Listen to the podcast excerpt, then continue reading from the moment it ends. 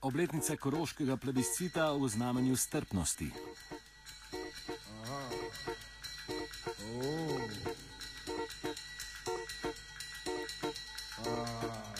V celovcu so slovesno obeležili 93. obletnico koroškega plebiscita, ki je po prvi svetovni vojni zakoličil mejo med tedanjo kraljevino Srbov, Hrvatov in Slovencov ter Avstrijo in del slovenskega naroda pripojil Avstriji.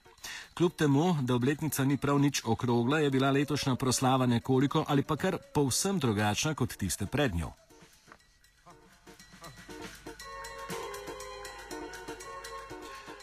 Pod odrom se je zbralo več gostov kot ponavadi, se je koroški deželni glavar Petr Kajzer prvič v zgodovini spregovoril nekaj besed v slovenščini, med proslavo pa ni, kot je bilo v navadi do sedaj, nosil koroške deželne noše. Zbrane je pozval, naj se obrnejo v prihodnost in se osredotočijo na to, kar narodne skupnosti povezuje, hkrati pa je tudi kritiziral zlorabe tega praznika, do katerih je prihajalo v preteklosti.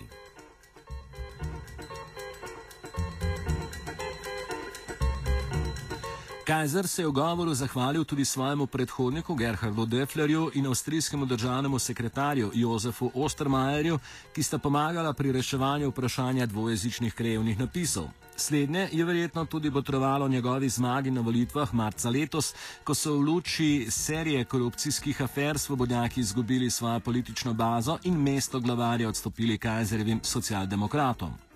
Za komentar današnjega dogodka in dinamik, ki so pripeljali do njega, smo zaprosili Marjana Šturma, predsednika Zveze slovenskih organizacij na avstrijskem Koroškem. No, jaz mislim, da je dejansko en velik premik, če, če upoštevamo, da je v preteklosti ta dan bil vedno dan zmage nemštva nad slovenstvom in slovenščina ni imela kakšne vloge. In če pomislimo, da je danes državni glavar govoril o slovenščini, da je zbor pel dvojezično, da je ena študentka govorila v slovenskem jeziku in potem tudi v prevodu v nemščini, da sem jaz tam govoril in tudi nekaj povedal v slovenščini, potem je to en tektonski premik, ki je povezan s tem, da je dejansko prišlo do ene spremembe politične kulture, da želi z volitvami 3. marca in ta nova koalicija, socialdemokrati, zeleni in ljudska stranka, je dejansko ena osvežitev za to državo in prvi koraki se vidijo zdaj v popolnoma drugačnem praznovanju 10. oktobra, ne več zmaga Nemčija nad Slovenskom, ampak spomin na eno demokratično odločitev, ki je vsekakor bila, ampak tudi uspravljiva v tem smislu, tako kot vsi skupaj smo danes v Koroški in v širši Evropi in moramo sodelovati. In tudi izpoved, da je treba imeti dobro sosedske odnose, je tudi treba videti v tem kontekstu in jaz mislim, da je vse skupaj podčrto zelo pozitivno. Uh, da je prišlo do spremembe uh, 3. marca, je tudi malo prispevalo to, da se je vprašanje dvojezične topografije rešilo v obliki enega sicer kompromisa, ampak vendar. In s tem v bistvu to manjšinsko vprašanje v volivnem boju ni več igralo tako emocionalizirajočo vlogo, kar je seveda takoj prispevalo k temu, da so se razmere spremenile. Pravi, vidite, da tudi manjšina lahko indirektno vpliva na, na politične razvoje v državi.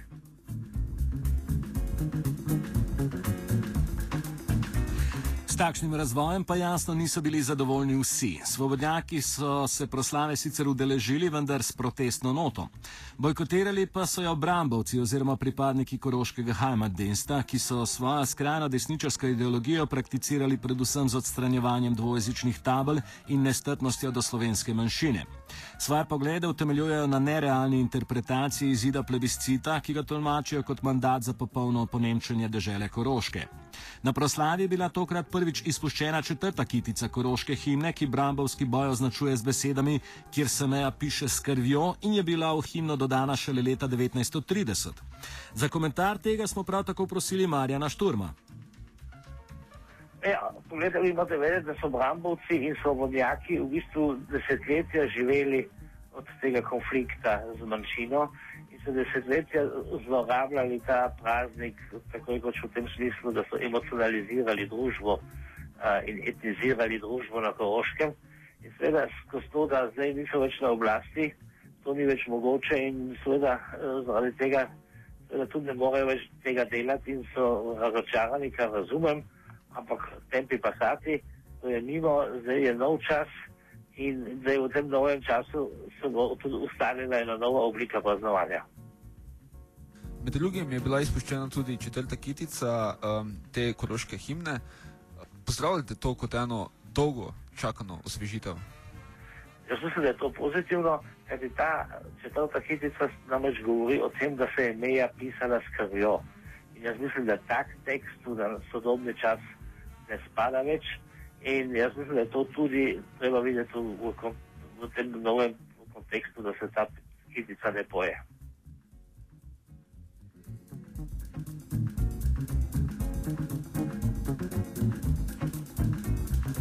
Za zgodovinski pregled odnosa koroških oblasti do slovenske manjšine po plebiscitu smo poklicali Dušana Nečaka, profesorja zgodovine 20. stoletja na Filozofski fakulteti v Ljubljani.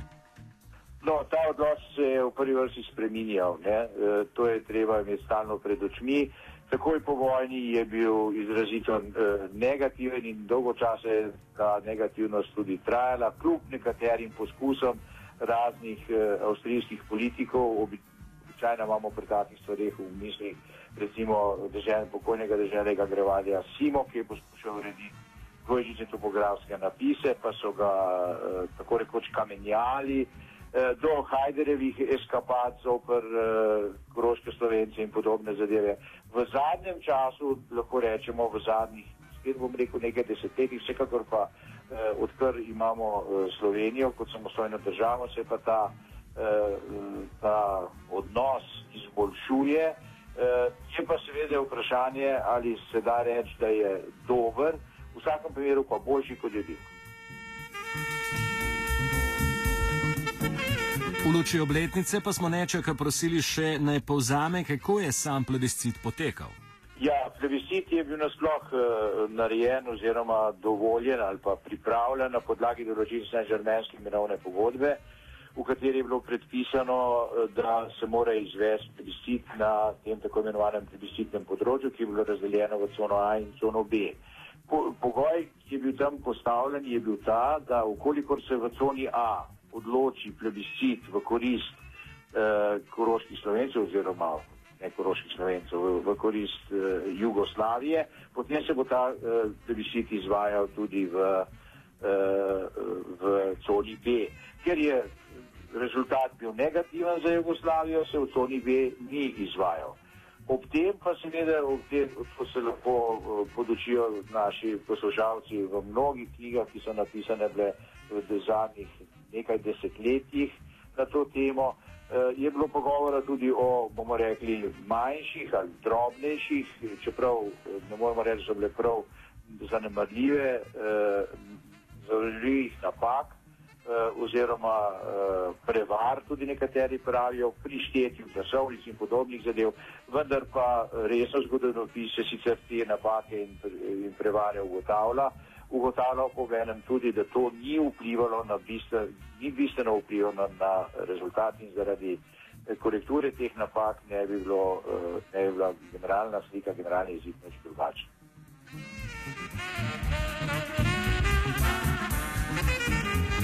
Koroški slovenci so se za priključitev Avstriji torej odločili avtonomno. Od nečega smo kljub temu poizvedli, kakšna je bila avstrijska propaganda, ki je pripeljala do te odločitve.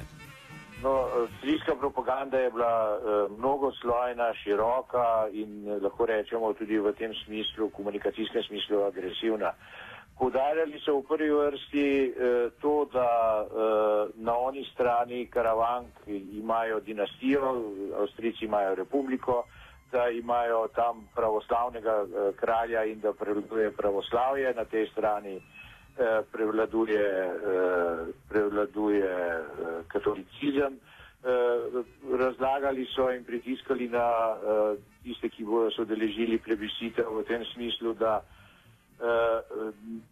koroški slovenci oziroma koroška nasploh kot dežela avstrijska gravitirajo v celovec, ne v Ljubljano, da so jezikovne razlike, uh, razlike v smislu tega, da se pri njih govori vindiš, ne v, na koroškem, v uh, Ljubljani pa slovensko in tako dalje in tako dalje. Skratka, ena mešanica socialno-religiozno-političnih uh, propagandnih prijemov. Ain't no possible more time. Offset je pripravil Luka Tetičkovič.